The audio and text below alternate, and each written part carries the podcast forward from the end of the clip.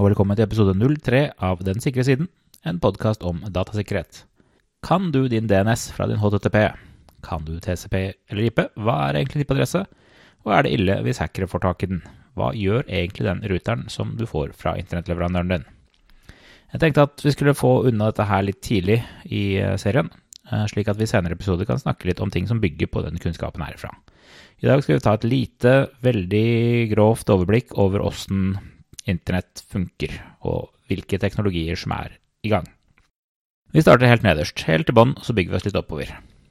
Basically alt som er på et nettverk i dag, bruker en standard som heter Eternett. Dette handler om hvordan et nettverkskort kommuniserer over en kabel til en annen dings.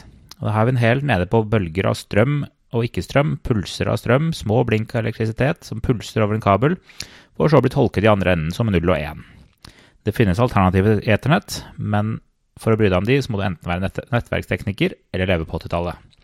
F.eks. hvis vi bruker fiberkabler, så bruker vi ikke Eternett, men da bruker vi noe som heter FDDI.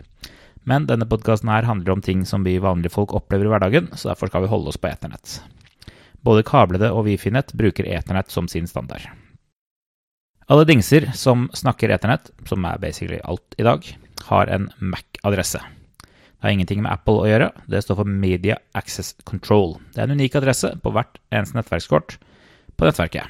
De er egentlig vilkårlig gruppert. Hver hardware-produsent har sin egen range med adresser som de tildeler sine enheter. Hvis jeg kan få Mac-adressen til en ting, så kan jeg slå opp i en tabell og finne produsenten av den. De skal være globalt unike, fordi to enheter med samme Mac-adresse på samme nettverk vil få ting til å krasje. Men MAC-adressen den sier ingenting om nettverkstopologi eller struktur, annet enn her er det en dings kobla på nettverket. Eternett er veldig nyttig for å overføre data mellom to punkter, og derfor bruker vi i dag noe som heter TCP-IP oppå der igjen for å komme oss ut på internett. Der vi begynner å komme inn litt mer i den daglige verden. TCP-IP det er to forskjellige ting. Det skrives med skråstrek mellom TCP og IP. Det er to forskjellige protokoller som jobber sammen for at din dings skal kunne klare å få kontakt med f.eks. YouTube. Den uh, siste av dem, IP, internettprotokoll, den kan finne veien rundt på internett. Den finner riktig sted. Det er en såkalt rutbar protokoll. TCP, Transmission Control Protocol, sørger for at hvis en pakke eller en bit med data blir borte på veien, så prøver den på nytt. Den sørger også for at hvis flere deler av pakken blir delt opp og sendt forskjellig vær rundt omkring på internett for å komme frem, så blir den satt sammen igjen i riktig i andre enden. Så det er her IP-adressen kommer inn. I dag bruker mesteparten av verden såkalte IP versjon 4-adresser. De er fire tall fra 0 til 255 separert mellom punktum. 16.36.205.93. Til sammen 4,2 milliarder av de, 255 opphøyd i fjerde. En del av de er satt av til diverse bruk allerede, og alle er tildelt noen. Vi er På verdensbasis så er de som deler ut uh, IP-adresser, tomme. Så alle IP-adresser er delt ut til en eller annen organisasjon eller internettleverandør eller tilsvarende. Det er ikke alle som faktisk er i bruk, men, men alt er tildelt. Så hvis man er en uh, nystartet internettleverandør, så må man klare å skaffe IP-adressene sine fra et annet sted. Men en del av det er satt av til diverse bruk allerede. F.eks. så er hele 192.168-serien en såkalt privat serie, som ikke skal brukes på internett, men som kan brukes på interne nett. Jeg vil etterpå at de fleste av dere på deres hjemmenett har adresser i 192.168-serien. Det er en veldig vanlig standardadresse for ruter å gi ut til enheten deres. Det er ikke så veldig relevant i dag, for vanlige folk har egentlig ikke behov for å vite deres egne adresse. Uansett. IP-adressen er hver enhets lokale adresse. Uh, selv om de skrives med et punktum mellom seg, så uttaler vi ikke det punktumet. Vi sier ikke 182 punktum 168 egentlig, jeg sier bare 182 168.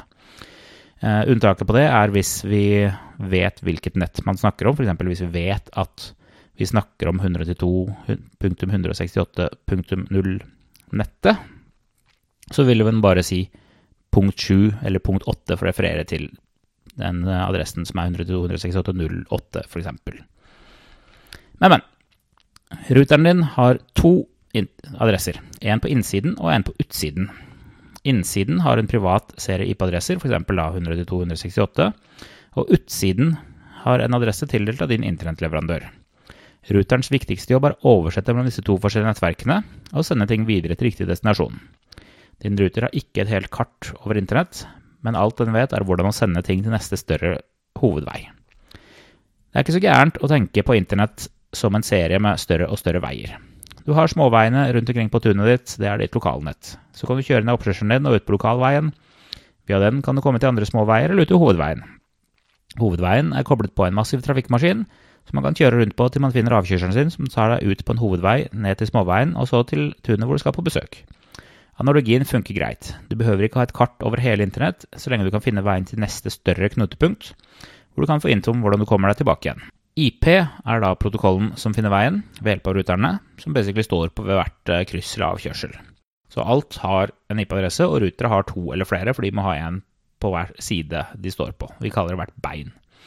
Så hvis du skal til VG for å lese dagens avis, så kobler din datamaskin seg til 185.88.54.16 via IP.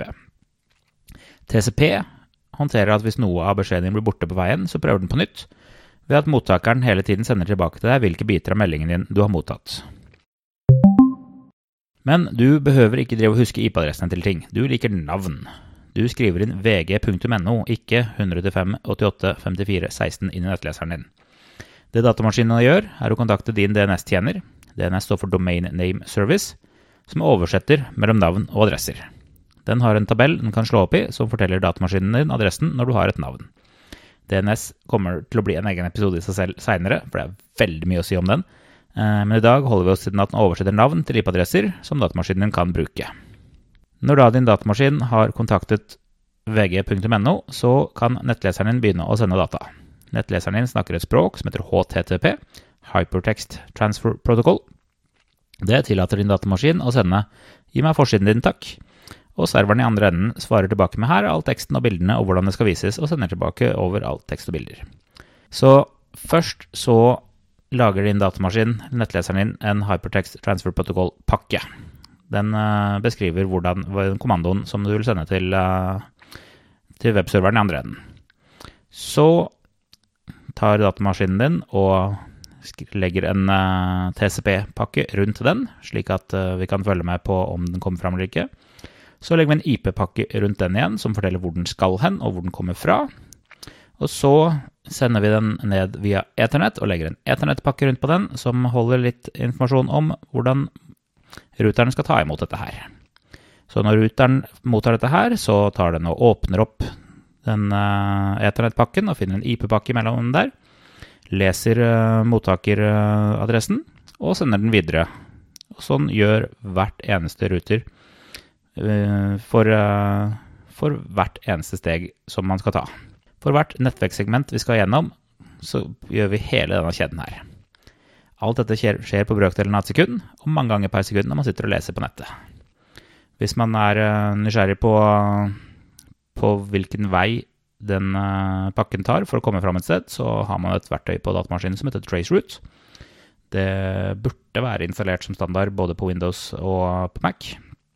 Da åpner man et uh, vindu og skriver inn traceroute, vg.no, og så finner datamaskinen din uh, fram til en liste over alle ruterne som står imellom deg og, uh, og VG. Men ja, alt dette skjer på brøkdelen av et sekund, og mange ganger per sekund. Det går fort, og dette her er liksom bare scratching the surface. Men, men det er viktig at du vet litt om IP, at det er det som ruter ting rundt omkring på internett og TCP, som står for at eh, ting eh, kan settes sammen i en riktig rekkefølge hvis, eh, hvis, IP sender noe på feil retning. Og, fordi IP garanterer ikke at, at det kommer fram engang, eller at to pakker med samme mottaker kommer til å gå samme vei rundt omkring på internett. Men det er derfor TCP ligger under. IP og TCP og DNS er alle ukrypterte, slik at alle som er på veien mellom deg og din mottaker kan lese dette her. Det er ikke noe vits i, det er jo ikke fysisk mulig, å kryptere utsiden av en konvolutt. Fordi den som skal levere konvolutten, må kunne vite hvor det skal hen. Eh, men det er litt mer eh, interessant at eh, DNS, det oppslaget mellom IP-adresser og, og, navn, i dag ikke er kryptert. Det finnes forslag og standarder og slikt som, som prøver å gjøre det, men i bunn og grunn så er den ukryptert, og det er masse god informasjon som da Google og Facebook kan bruke til å spore deg rundt omkring med i dette her. Men, men. Det var egentlig eh, det vi hadde om eh, det veldig, veldig grunnleggende og veldig overfladisk. Vi kommer til å komme tilbake mer i seinere episoder om med mye mer detaljer om dette her. Men det her er det som var riktig å ta i dagens episode. Hvis du blir med i neste episode, så skal vi snakke litt om nettleseren din, og hva den hengelåsen i nettleseren din faktisk betyr. For jeg har opplevd at den egentlig ikke betyr det som vi har blitt fortalt at den betyr. På gjenhør.